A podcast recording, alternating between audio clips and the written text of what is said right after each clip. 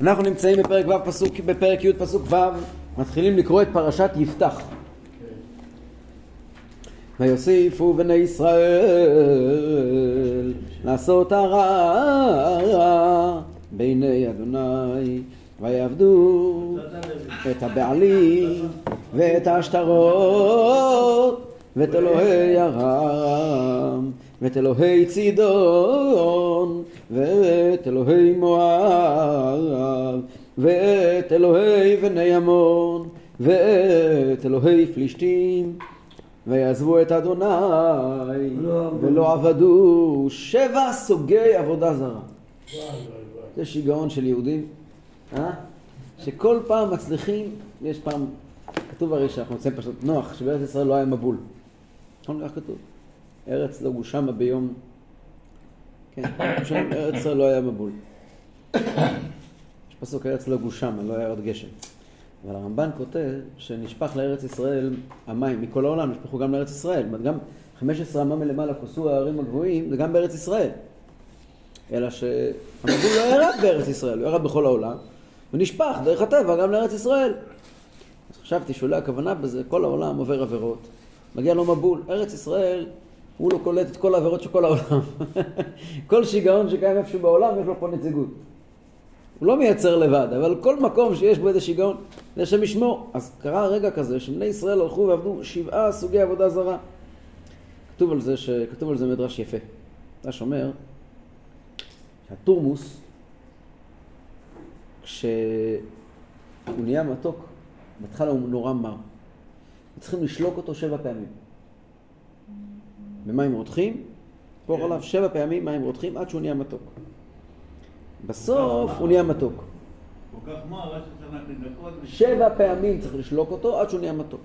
אבל אחרי שבע פעמים הוא נהיה מת- מתוק. אז הוא אומר שאצל עם ישראל היה שבע פעמים, שבע סוגי עבודה זרה, בסוף אבל נהיו מתוקים. זה קצת נוגע לזמן שלנו, שיש התעוררות תשובה כזו גדולה בעם ישראל בימים האלה. כן. הגמרא אומרת. כתוב ויעזבו את השם ולא עבדו. מה זה ויעזבו את השם ולא עבדו? זאת אומרת, הגמרא שם אומרת, אפילו, אני- הם עבדו שבע מיני עבודה זרה, לא יכלו גם לעבוד אותי. השם אומר את השם? אומר, "אפ- אפילו לא הפכו אותי לתורמוס שהוא קינוח סעודה. אחרי ש... שבע סוגי עבודה זרה, אז גם את זה? לא, זה לא. הכל מותר. כל עבודה זרה שבעולם מותר, אבל, אבל מחיצה בבית... אבל את הקדוש ברוך הוא, זה לא. וזה גרם ל, ל, ל, לעניין של הפך הטוב לגמרי ביחס לבני ישראל. וכן. אחרי זה, מה קרה מיד אחרי זה? פסוק ז' ויחרף אדוני ישראל עם כרם זה. ועם כרם ביד פלישתים וביד בני עמון קודם כל מכר אותם בידיים של פלישתים שיושבים איפה? איפה? בעזה, באשדוד, בעזה, אשקלון, עזה, יש חמש ערים של פלישתים אשקלון, אשקלון, עזה, גת, גת. גת, אשדוד? ומה החמישי? נתיבות. לא, שדרות. לא, עקרון, עקרון. עקרון. איפה שהיה עם תל. קריית עקרון. אז עקרון, אשדוד, גת, עזה ואשדוד. ואשקלון. מה המקום הכי גרוע מכולם? עזה.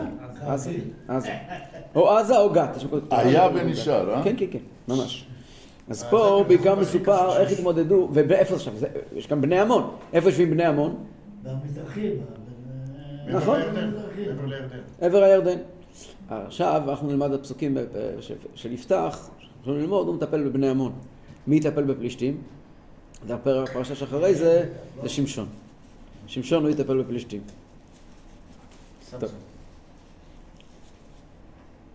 וירעצו וירוצצו את בני ישראל בשנה ההיא שמונה עשרה שנה את כל בני ישראל אשר בעבר הירדן בארץ האמורי אשר בגלעד שמונה עשרה שנה הם רועצים ומרוצצים את מי? מעבר, בני עמון, אנחנו מתמקדים בעיקר בבני עמון הם הרי יושבים מעבר הירדן בעבר הירדן יש גם שבטים שלנו. אבל הם עבדו אותם, למה, מה היה צריך כבר להציק להם? לא, הם לא עבדו אותם, הם כן, כן, הם עושים להם צרות. הם מתחילים לשלוט על בני ישראל שנמצאים בארץ האמורי אשר בגלעד, כלומר על שניים וחצי השבטים, אבל זה לא מספיק להם. פסוק ט' ויעברו בני עמון את הירדן להילחם גם ביהודה ובבנימין ובבית אפרים ותצר לישראל מאוד. יש פה מפה, שמו פה מפה, תסתכלו, בעמוד הבא. בעמוד הבא יש מפה? אה, כן, הבא יש. יכולים לראות את זה במפה, איך שבהתחלה ארץ עמון יושב נגד עבר הירדן, ואז זה יורד הלאה למנשה, אפרים, יהודה, בנימין, יודעים למטה גם כן. עכשיו זה מאוד חשוב להבין את זה. המקום, הפסוק קורא באופן, באופן די מוזר, קורא ל, לעבר הירדן ארץ האמורי אשר בגלעד. מה, מה, מה זה נוגע? האמורי לא גרים שם כבר הרבה מאוד שנים. או, או. התשובה היא, כדי נוגע להבין את כל הסכסוך, נוגע, זה המפתח להבין את כל הסיפור. הולכים פה לריב על קווי 67, או קווי, לא ברור בדיוק איזה קווים, אבל הם הולכים פה, יש פה ממש ויכוח פוליטי, שכאילו תירוץ פוליטי, שמאוד מאוד דומה לוויכוחים היום. בואו נראה, פסוק י' ויזעקו בני ישראל אל אדוני לאמור חטאנו לך לך וכי עזבנו את אלוהינו ונעבוד את הבעלים. אה, עכשיו נזכרו. אתה נותן ביקורת על עם ישראל? שאני אבין, אתה מהצד. של הרע? לא, חס ושלום. אז זהו. עם ישראל חוזר בתשובה עם וידוי על פי דין, מאמירה חטאנו, פירוט החטא, כמו שההלכה דורשת. והמפרשים מפרשים, בהתחלה הם התוודו, חטאנו בכלל. ואז מחטאים קטנים הגענו לעזבנו את השם אלוקינו. ועד שהגענו בסוף לעבודה זרה ממש. ודרך יותר פשוטה להבין את הפסוק, כתוב באברבנאל, שזה סוג של אה, איזה שטות עשינו. חטאנו לך, איך יכול להיות שעזבנו את אלוקינו ונעבוד את הבעלים, מה החלפנו במה? ואז מחליט, לי- מתחיל להיות קבלה מחודשת של עול תורה ומצוות, פסוק י"א. ויאמר אדוני אל בני ישראל, הלא ממצרים ומן האמורי ומן בני עמון ומן פלישתים וצידוני ועמלק ומעון לחצו אתכם ותצעקו אליי ואושיע אתכם מידם. המלאך אומר לבני ישראל, הייתם במצרים, וכבר סבלתם מהאמורי, וסבלתם מבני עמון, סבלתם פלישתים, סבלתם מצידון, סבלתם מעמלק, סבלתם ממעון. זה לא כתוב בשום מקום עד עכשיו בנביא. משמע שישנם אירועים שלא נכנסו בנביא, לא כל האירועים נכתבו בנביא. כל פעם סבלתם, צעקתם עליי והוצאתי אתכם. פסוק י"ג ואתם עזבתם אותי ותעבדו אלוהים אחרים, לכן לא אוסיף להושיע אתכם. זה לא זה, זה לא, זה לא, זה לא נגמר איתכם הסיפור. לכו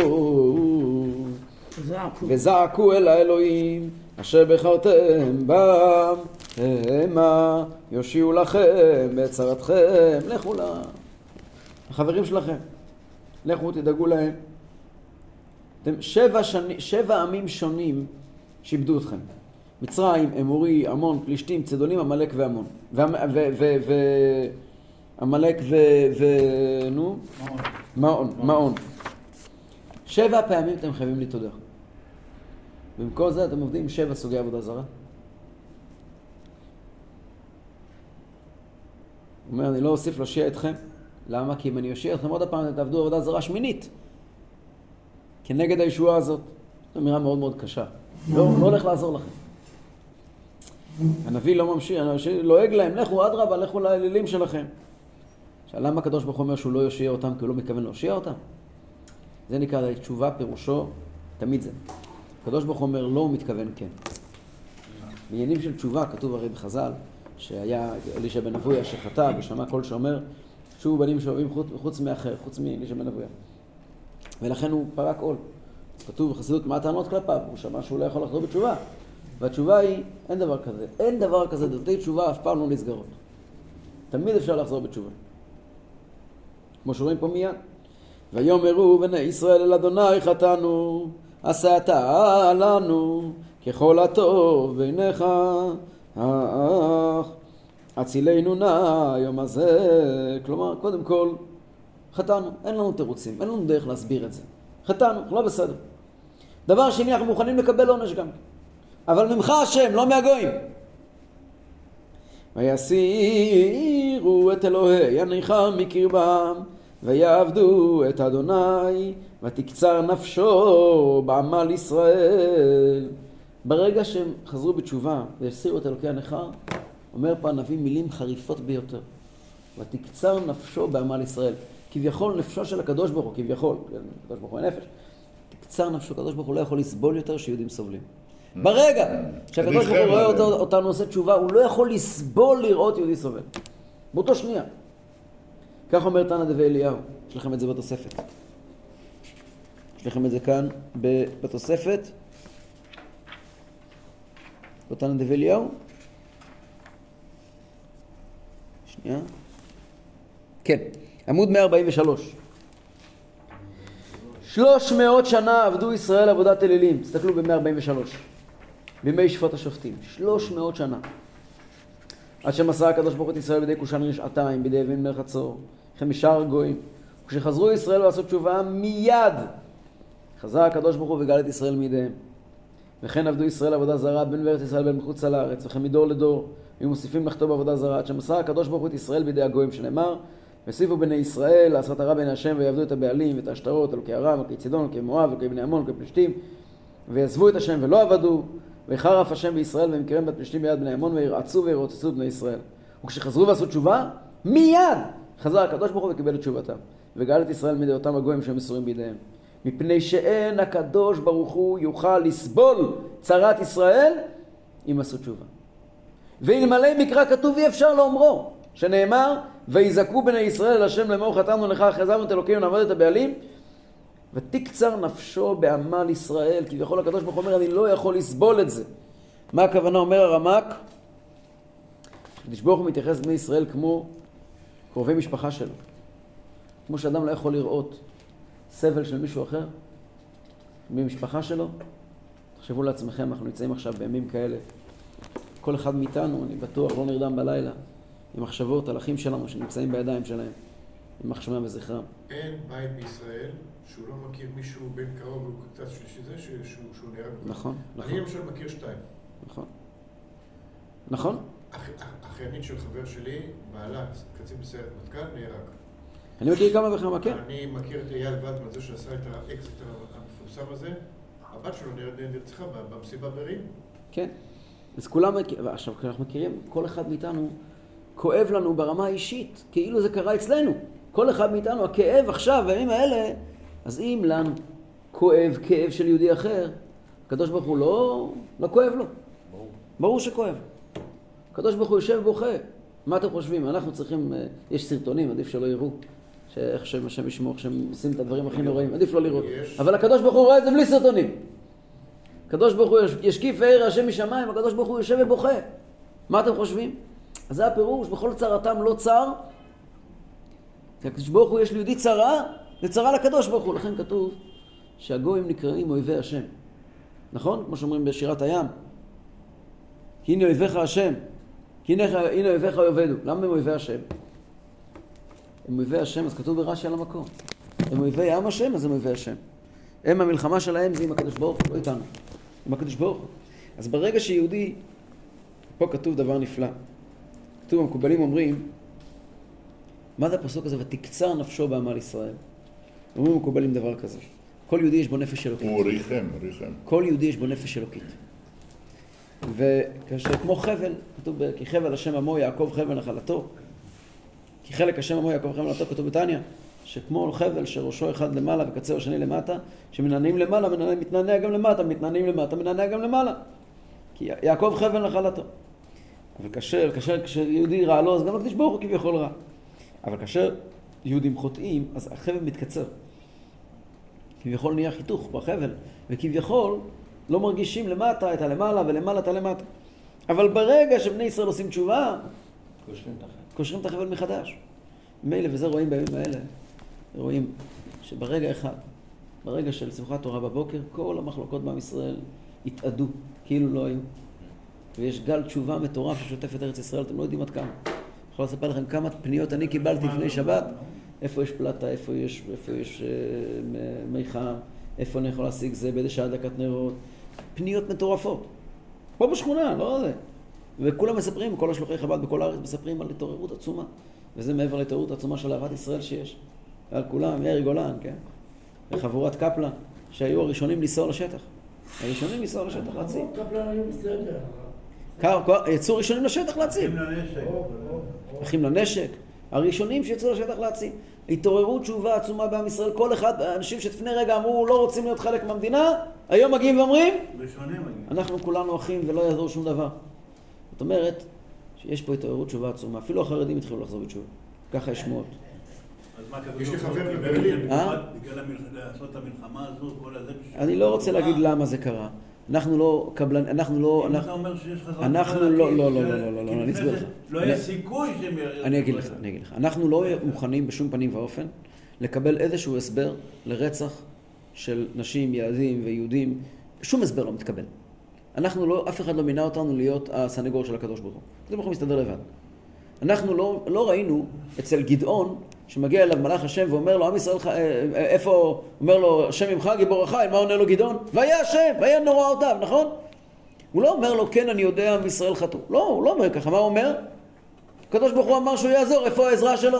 הוא מיד תוקף, הוא לא מוכן לקבל הסברים, נכון? ומה אומר לו המלאך? בגלל שככה דיברת, לך בכוחך זה והושיע את ישראל. משה רבינו מגיע למצרים, הוא רואה שם את דתן ואבירם, הוא רואה כל מיני דברים לא טובים. מגיע לקדוש ברוך הוא, אומר, ריבונו של עולם, מה זה אמור להיות? למה הרי אותו העולם הזה? הוא לא מנסה להצדיק את הקדוש ברוך הוא. הוא לא אומר לקדוש ברוך הוא, תראה, אני מבין, חטאו וזה, הוא לא אומר ככה. אותו דבר, אליהו הנביא במעמד הר הכרמל, אומר לקדוש ברוך הוא, אתה הסיבות ליבם אחורנית, אתה השם לא הם. כל גדולי ישראל האמיתיים, אני מדגיש האמיתיים, בכל הדורות, לא הצדיקו את הקדוש ברוך הוא. כתוב בגמרא שהצדיקים האמיתיים לא מחניפים לאלוקיהם. היה כתוב בגמרא. מה הם? לא מחניפים לקדוש ברוך הוא. אל תתחנף. אהבת ישראל, הקדוש ברוך הוא אוהב יהודים, מה אתה יותר אוהב? מה אתה... יש בן אדם, הבן שלו עשה משהו לא טוב. מגיע מישהו ואומר, שמע, הבן שלך מגיע לו עונש. מגיע בן אדם אחר ואומר, שמע, נכון שהוא עשה לא טוב, אבל לא מגיע לו עונש. את מי, את מי, את מי האבא יותר יאהב? זה שאומר שלא מגיע. מי שאומר שלא מגיע לו עונש, נכון? מי שיגיד לאבא זה לא בסדר. את מי האבא, אבל את מי האבא יותר אוהב? את מי שיאמר לו, הבן שלך לא בסדר? או מי ש... למה? כי האבא, נכון את שיש. בו אולי מידת הדין, אבל את מי, את מי האבא אוהב שיגיד... הבן. אנחנו לא מוכנים לקבל הסברים. אז אנחנו לא מוכנים להסביר שלכן זה קרה מלחמה. למה קרה מלחמה? אנחנו לא, לא יודעים. זה, זה, זה דברים של שקדוש ברוך הוא, ואסור לנו לחשב חשבונות שמיים. הסתר פנים גדול מאוד. הסתר פנים ענק. אסור לנו לחשב חשבונות שמיים. בלי קשר, אנחנו אומרים שעם ישראל חזר בתשובה, מכיוון שהקדוש ברוך הוא כבר הבטיח שכאשר עם ישראל יעשו תשובה הוא מיד חייב להושיע אותנו, אז ודאי שהוא חייב להושיע אותנו. יש לי-. חבר בברלין שהוא רב, הוא מנהל בית ספר יהודי, הוא גם חזר הרבה שנים כבר. אנחנו. בסוף, יהיה לנו רשימה עם כל החברים שלך. בקיצור, בקיצור, הוא היה עוד בברלין המזרחית, הוא אומר, הקהילה שם על הפנים, כולם בדיכאון, התחילו לסמן את הבתים של היהודים במגני דוד, את המכוניות שלהם, סיפור. טוב, פסוק י"ז. ויצעקו בני עמון, ויחנו בגלעד, ויאספו בני ישראל, ויחנו במצפה. מהר מהר מהר מזמינים את כל, עושים גיוס צו שמונה. כל עם ישראל מגיע, כל, כל בני עמון מגיע, סליחה, וחונים בגלעד להילחם בישראל. מולם בני ישראל חונים במצפה. איפה זה המצפה? המצפה זה המקום שבו היה את הסיפור של אה, יעקב אבינו עם, אה, עם, אה, עם לבן, ששם ששם לו את האבנים. לו אבנים במצפה, אשר אמר יצף השם גלעד? בגללך. מה? גלעד? גלעד, נכון. יגר סעדותא, מה שנקרא. יגר סעדותא, נכון. ואז זה מקום בערי הגלעד. במקום הזה היה גם נס בימי יהושע, כמו שלמדנו בספר יהושע שהייתה מלחמה של הצפון, אז גם שם יהושע אה, כינס את כולם בארץ המצפה, ושם הייתה המלחמה הגדולה, ששם שם היה המקום שהיה הרבה הרבה ניסים. אז לכן בני ישראל מתכנסים שם. כעת כל עם ישראל, אה, חיילים מכל עם ישראל יש התגייסות גדולה. בעקבות התשובה גם יש התגייסות, זה הולך ביחד. עכשיו מחפשים רמטכ"ל. אין רמטכ"ל, אין מדינה, אין כלום, שום דבר לא מסודר. פסוק י"ח. ואמרו העם שרי גלעד, אחורה, אחורה, אחורה, אתם. לא, אבל אין שם, רק בזין היה שם. 139. 140. 140? אוקיי, בסדר. ויאמרו עם שרי גלעד, איש אל רעהו, לא, לא. לא. אז זהו, כאן זה במקורות, איזה מהמקרא? עמוד 140, אני צריך להמשיך-. חסר כנראה איזשהו פסוק זה פה. רגע, חסר פה פסוק. הנה, הנה, פסוק י"ח, נו. אה, אוקיי. אוקיי. אמרו עם שרי גלעד איש אל רעהו מי האיש אשר יחל להילחם בבני עמון יהיה לראש לכל יושבי גלעד ברגע שנמצא את המצביע נכון מי שיהיה מסוגל לעמוד בחוד החנית ולהילחם בבני עמון הוא יהיה אחר כך ראש של כל בני גלעד מה עשו בינתיים בני עמון? אז יש כאלה שאומרים שבני עמון ראו שבני ישראל נעמדים מולם, הם לא, הם לא ציפו לזה. כי הם ידעו שבני ישראל מפורזים, מפורדים, אין קשר ביניהם. פתאום רואים כזאת התכנסות של צבא מולם במצפה, אז הם התפרקו, חזרו הביתה. הם חזרו הביתה. ככה כתוב בכלי יקר, רד"ק, אברבנאל, אבל עדיין המתיחות נשארה וחייבים לטפל בזה. פסוק א', ויפתח הגלעדי 146. 146. כן. ויפתח הגלעדי היה גיבור חיל והוא בן אישה זונה. ויולד גלעד את יפתח ותלד אשת גלעד. זונה. לא בנים ויגדלו בני האישה ויגרשו את יפתח. ויאמרו לו לא תנחל בבית אבינו כי אישה אחרת אתה. ויברח יפתח מפני אחיו וישב בארץ טוב ויתלקטו אל יפתח אנשים ריקים ויצאו עמו. מה קורה כאן? אז קודם כל המידע על האיש, קוראים לו יפתח, לאבא שלו קראו גלעד, משפחה מכובדת, כנראה שגרים בארץ הגלעד, וכנראה משתייכים, אם גרים בארץ הגלעד, כנראה שייכים לשבט מנשה. גלעד היה איש מכובד, משפחה מכובדת, ואשתו הייתה מגלעד. במקביל הייתה לו אישה אחרת, שהכתוב מכנה אותה בשם זונה. לא הכוונה פה לפי רוב המפרשים לפרוצה, אלא שהיא לא הייתה מאותו שבט. באותה תקופה עדיין לא הותרו שבטים לבוא זה בזה. והיה, החתונה עם אישה מחוץ לשבט הייתה מקובל, הייתה מקובלת כדבר מאוד, אה, הסתכלו על זה בעין שלילית. פירוש המילה, אה, כן, ומי שלא, מי שהתחתנה עם מישהו שלא מהשבט שלה, זכתה לכינוי גנאי. כן, זונה פירושו יצאנית, מבחוץ. אז היא הייתה מבחוץ, היא לא הייתה מהשבט. ו- וזה היה הסיפור של אימא של יפתח. ככה כתוב ב... ב- ב- בתרגום יונתן, מתרגם, במקום זונה, הוא מתרגם את זה תוספתא. כלומר, הוא מתרגם, הוא, סליחה, הוא מתרגם את זה, אה, יונתן מתרגם פונדקיתא, כמו, כמו, כמו זונה, אבל אחרים מפרסמים, אה, מביאים תרגום שכבר אינו בידינו היום, שנקרא תרגום של תוספתא, שם כתוב שהייתה משבט אחר. ככה מביא רד"ק, מביא רלב"ג, מביא מתרגום כזה לא שבימינו איננו. לא. הנקודה הייתה שהוא לא היה מהבית, הוא היה אאוטסיידר, הוא היה, הוא היה אנדרדוג. עכשיו, מה שקרה זה, יפתח היה גיבור חיל, אבל הוא לא הסתדר עם המשפחה. זרקו אותו, לא רצו לו, לתת לו לקבל נחלה במשפחה. אז הוא הלך לארץ טוב. איפה זה ארץ טוב? אז חז"ל אומרים דבר מעניין. חז"ל אומרים ב- בירושלמי, מה זה ארץ טוב? זה סוסיתא. סוסיתא. סוסיתא. איפה זה ברמת סוסיתא? ברמת כן, הגולן. Mhm. נכון. סוסיתא זה ברמת הגולן, ולמה הוא נקרא ארץ טוב? כי זה שטח שפטור מן המעשרות. ש? פטור ממעשרות, זה נחשב חוץ לארץ בכמה גדרים, אז פטור מן המעשרות, לכן זה נקרא ארץ טוב, אתה יכול לאכול מה שאתה רוצה. זה גם הרב גורן אמר שרמת הגולן זה לא שייך לארץ ישראל, זה כאילו... יש בזה מחלוקת, כן. הסוסיתא הזאת היא, מובלעת של חוץ לארץ בתוך ארץ ישראל. ולכן היא פטורה, היא פטורה מהמעשרות, לכן נקראת ארץ טוב, כי אי אפשר לאכול שם דבר איסור. כי הכל כשר. אז יפתח, למה הוא הלך לשם דווקא? מסתבר שהוא הלך לשם כי שם לא מחלקים את הארץ לפי נחלה. זה הרי מובלעת של חוץ כן, לארץ, כן. אז זה לא נחלות, יכול לגור איפה שהוא רוצה. חופשי, כן. להיות חופשי. אבל כל אחד מבין שבכזה מקום גרים אנשים שאין להם משפחה. בני בלי שם, אנשים ריקים ופוחזים. זה אנשים שמגיעים לכאלה מקומות, זה מקום שאליו בדרך כלל מתלקטים לשם כל מיני אנשים שנזרקו. הוא היה גיבור חיל, והוא ידע ללכד אותם סביבו. וכנראה הוא השתמש בהם כמו מיליציה כזאת, לכל מיני מלחמות קטנות שהיו צריכים אותן. אנשי גלעד יודעים שיפתח, שגדל כאן איתנו בגלעד, וזרקו אותו מהבית, והלך לארץ טוב ויש לו שם מיליציה והוא גיבור גדול. אולי נקרא לו. הם פתאום יודעים, כן.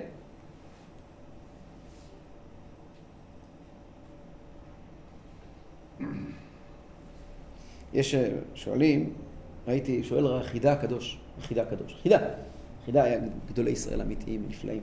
שואל איך אפשר לקרוא למקום חוץ לארץ בכינוי ארץ טוב? איך זה מתאים? חידה כידוע היה מאוד מאוד קנאי לקדושת ארץ ישראל.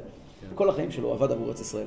הציעו לו אלף פעמים להיות רב בכל מיני ערים בחוץ לארץ. ממש התחננו עליו.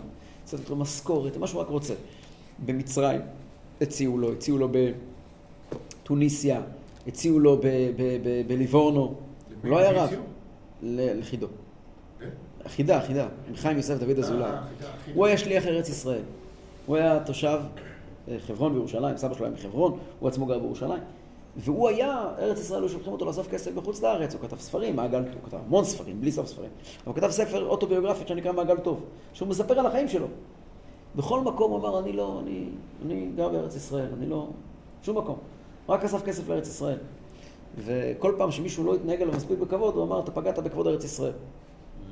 וכשהוא הלך וביזה את עצמו וכל מיני דברים, הוא אמר, אני מבזה את עצמי לכבודה של ארץ ישראל. הוא כל הוא ראה בעצמו נציג של ארץ ישראל. הוא היה לכם בגדים של ארץ ישראל, יודעים מאוד, אחידה.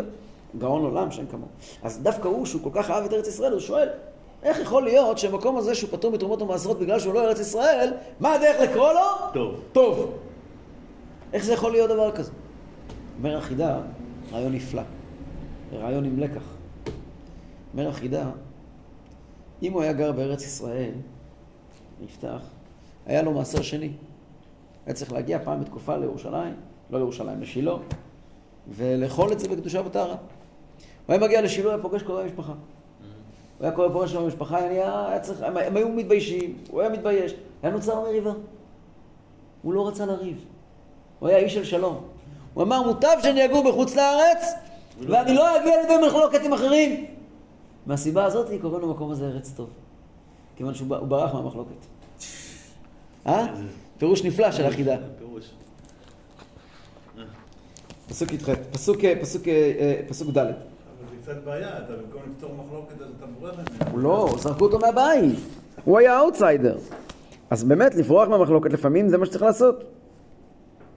להשאיר את זה בתואר וללכת, לעזוב. אה? מה האלטרנטיבה? מה, בדיוק, מה האלטרנטיבה? הוא גם גיבור. זה לא יסתיים טוב לצד השני. ויהי מימים וילחמו בני עמון עם ישראל ויהי כאשר נלחמו בני עמון עם ישראל וילכו זקני גלעד לקחת את יפתח מארץ טוב ואמרו ליפתח לך והיית לנו לקצין ונלחמה בבני עמון בוא תהיה אתה קצין שלנו. קצין שלנו, מה זה קצין? קצין זה ראש. מפקד שלנו, כן. לא, לא, לא קצין. קצין זה לא באמת, באמת, באמת. קצין זה לא תואר צבאי. היום, בגלל הפסוקים האלה, קצין זה נהיה עניין צבאי. למה? יש קצין מבחן. אה, אוקיי. קצין פירושו ראש. מנהיג. במאה ה-17 וה-18, מהמאה ה-15, באירופה היה כל מיני כינויים לאנשים. היה ראש הקהילה, והיה את הפרנס, היה את הקצין. כל קהילה גדולה, לא קהילה. קטנה, גדולה, היה קצין. קצין זה היה מי שהיה בעל הבית. לא מושג צבאי דווקא. לא, לא, לא. ויאמר יפתח לזקני גלעד, הלא אתם שנאתם אותי ותגרשוני מבית אבי, ומדוע באתם אלי עתה, כאשר צר לכם. אתם שנאתם אותי, זרקתם אותי מהבית. עכשיו, אחים שלי לבד לא יכולו לגרש אותי. אם לא היה להם גיבוי מכם, זקני גלעד, הם לא היו עושים את זה. פתאום שיש לכם צרות, אתם זורקים אותי. ועוד דבר, מדוע באתם אליי? אני הרי בן אישה אחרת. למה נראה לכם שהקדוש ברוך הוא יושיע אתכם בעזרת אדם שהוא לא, בלי הייחוס המקובל עליכם בדיוק? אז מה, אתם אומרים שצר לכם? אז עכשיו, עכשיו צר לכם, אתם מגיעים, מה יקרה כשיסתיים הצרה? אתם תחזרו לשנוא אותי. מה זה עכשיו? למה אומרים זקני גלעד במקום אנשי גלעד? לא, הם הזקנים אנשים חשובים. זרקו אותו. שזרקו אותו. לא, הם לא זרקו כל אותו, העם. הם לא זרקו אותו, לא. זקני גלעד לא, אבל הם ידעו מה שקורה, הם לא התערבו. אה, זה היה אווירה שולטת, שמי שלוקח כן. אישה מ... אה, היה השפעה אחרת מצד... אה, הטיעון שלו היה, אם באמת אסור להתחתן עם אישה מ- מ- מ- מ- משבט אחר, כמו שאתם כל היום מחנכים, אז איך יכול להיות שהקדוש ברוך הוא יושיע בידי אדם שנולד בצורה כזאת? גם לשמשון יש סיפור דומה, נכון. שלא רצו לתת לו אישה מה- מהשבט יהודה. כשהם החזירו אותו זה על דעת כל העם. ויאמר. זקני גלעד אל יפתח לכן עתה שבנו אליך והלכת עמנו ונלחמת בבני עמון והיית לנו לראש לכל יושבי גלעד אמרו לו זקני גלעד תראה לא שלחנו אליך שלוחים לא כתבנו לך מכתבים באנו אליך בעצמנו זקני גלעד כי אנחנו רציניים. ואתה תילחם בבני עמון, גם אם תנצח וגם אם לא, אתה תהיה הראש שלנו. אנחנו לגמרי לגמרי אה, אה, מקבלים את זה. והחידה אומר, אומרים לו, לכן עתה שבנו אליך. ויש פסוק שאומר, והאלוקים יבקש את נרדף. בגלל שאתה סבלת, לכן הקדוש ברוך הוא בחר בך. אז נכון, רדפנו אותך, וזה גם באשמתנו, אבל זה עצמו הגורם, לכן, זה הגורם שישועת ישראל תהיה דרכך. כל אה, כל יוסף, נכון. סבלו, סבלו עד שהם עלו למעלה. נכון, היו צריכים לעבור את התהליך הזה. נכון. יפתח לא מוכן לקבל את זה בלי תנאי, והוא מרגיש שהוא לא ראוי לזה. לכן הוא עושה תנאי. מה התנאי שלו? בואו נראה.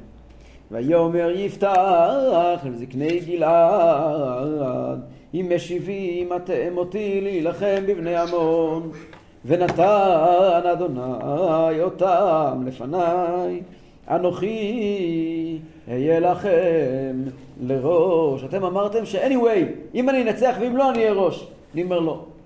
אם אני לא אנצח, אני לא ראוי. אבל אם אני אנצח, זאת ראייה שאני ראוי. לא לא יש כאלה שמסבירים שהוא כאילו מגיע ואומר להם סוג של אה, שאלה, בדיוק הפוך. אם אני, אם, אם, אם אני באמת אה, אצא למלחמה, מי, ואני אנצח, מי ערב שלא תזרקו אותי אחר כך? אז הם עונים לו, אמרו זקני גלעד, אל יפתח, אדוני, יהיה שומע בינותינו, אם לא כדברך, כן נעשה, הקדוש ברוך הוא יהיה הבורר בינינו. מה שסיכמנו זה מה שיהיה. וילך יפתח עם זקני גלעד וישימו עם אותו עליהם לראש ולקצין. וידבר יפתח את כל דבריו לפני אדוני במצפה. יפתח מקבל את הדברים ומוסכם שאחרי המלחמה הוא יהיה ראש בינתיים הוא רק קצין קצין זה, זה חצי ראש, כן? יפתח פותח את זה לפני כולם. הוא אומר, אני רוצה לדבר על זה לפני השם, כל עם ישראל נמצא פה, רוצה שכולם ידעו מה דיברנו. זה לא היה בסוד. הוא הולך, פותח את הכל לפני כולם. ויש מפרשים שהוא כתב תפילה מיוחדת למלחמה, והתפללו במצפה. יש אה, שאלה ששואלים מפרשים, מה ההתעסקות הזאת פתאום, לפני מלחמה, עם למנות עם למנות אה, ראש, קצין, מי יהיה אחר כך למלך, מה אכפת לכם? בואו נילחם קודם כל. עכשיו מלחמה, מה עכשיו אתם מתעסקים בממשלת חירום? תן להילחם, אחרי זה נתעסק עם זה. אבל חשוב שיהיה מישהו אה, מקצועי. ו- אז בסדר, אז הוא יהיה מקצועי, בחרנו בבן אדם הנכון. למה, למה זה צריך להיות שצריכים לקבוע איתו מראש שהוא יהיה מלך אחר כך? מוכן להילחם גם ככה. אז ישנם שלושה הסברים שראינו בספרים. חידה אומר, הסבר ראשון, מי שעומד בראש יש לו זכות הרבים. אז על ידי שהוא עומד בראש, הזכות הרבים תלווה אותו. זה הסבר ראשון. הסבר שני, הם רצו לעורר רחמי שמיים. מול הקדוש ברוך הוא, כמו שאיתו לא הסתדרנו, והחזרנו אותו אלינו, גם אתה תחזיר אותנו אליך. הסבר שלישי, כשאדם מקבל תפקיד, הוא משתנה. ודאי. הוא מקבל כוחות נכון. משמיים, הוא מתרחב, הוא נהיה שמח, מקבל גבורה, ולכן זה מאוד חשוב לפני מלחמה. יש לו גב גם, זה לא העניין הזה לקבל תפקיד. בנוגע לכל מה שלמדנו היום, יש על זה בספרי המוסר, לומדים מזה אה, את העניין של חסד השם בעניין של תשובה. שבני אדם רבים ביניהם, ופתאום לאחד מהם יש מצוקה, הוא מתקשר אליו, צריך את העזרה שלך, לא מסתכלים על זה בעין טובה.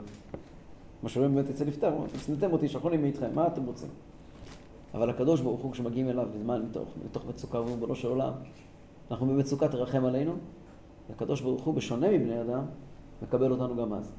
מקבל אותנו בשמחה גם אז. כך כותב הר"ן בדרשות שלו, הר"ן זה היה מגדולי הראשונים, ספר שנקרא דרשות הר"ן. מביא מכאן ראיה, כאן מהפסוקים האלה מביא ראיה, שהקדוש ברוך הוא מצידו עושה חוכמות. בצר לך ומצרוך כל הדברים, מצרוך כל הדברים האלה, ושבת את השם אלוקיך, ושמעת בקולו, בכל לברך נפשך, מה כתוב בהמשך? כי תדרשנו, ברגע שקדוש ברוך הוא, אה, אתה מגיע אליו בצרה. מקבל אותך, מקבל אותך גם כן. וזה אולי, שזה המ- זה בעצם הסיפור של יפתח וגלעד. גלעד בהתחלה אומר להם, אתם מגיעים אליי בגלל צרה. אז הם אומרים לו, לא, בגלל הצרה אנחנו יודעים את האמת. ולכן עתה שבנו אליך. זה, זה הסיפור של יפתח, המלחמה, בעזרת השם נלמד, המלחמה עצמה נלמד בשבוע הבא. אה, לא, לא, לא, לא. אנחנו נמשיך עכשיו עם איזה, שנייה אחת.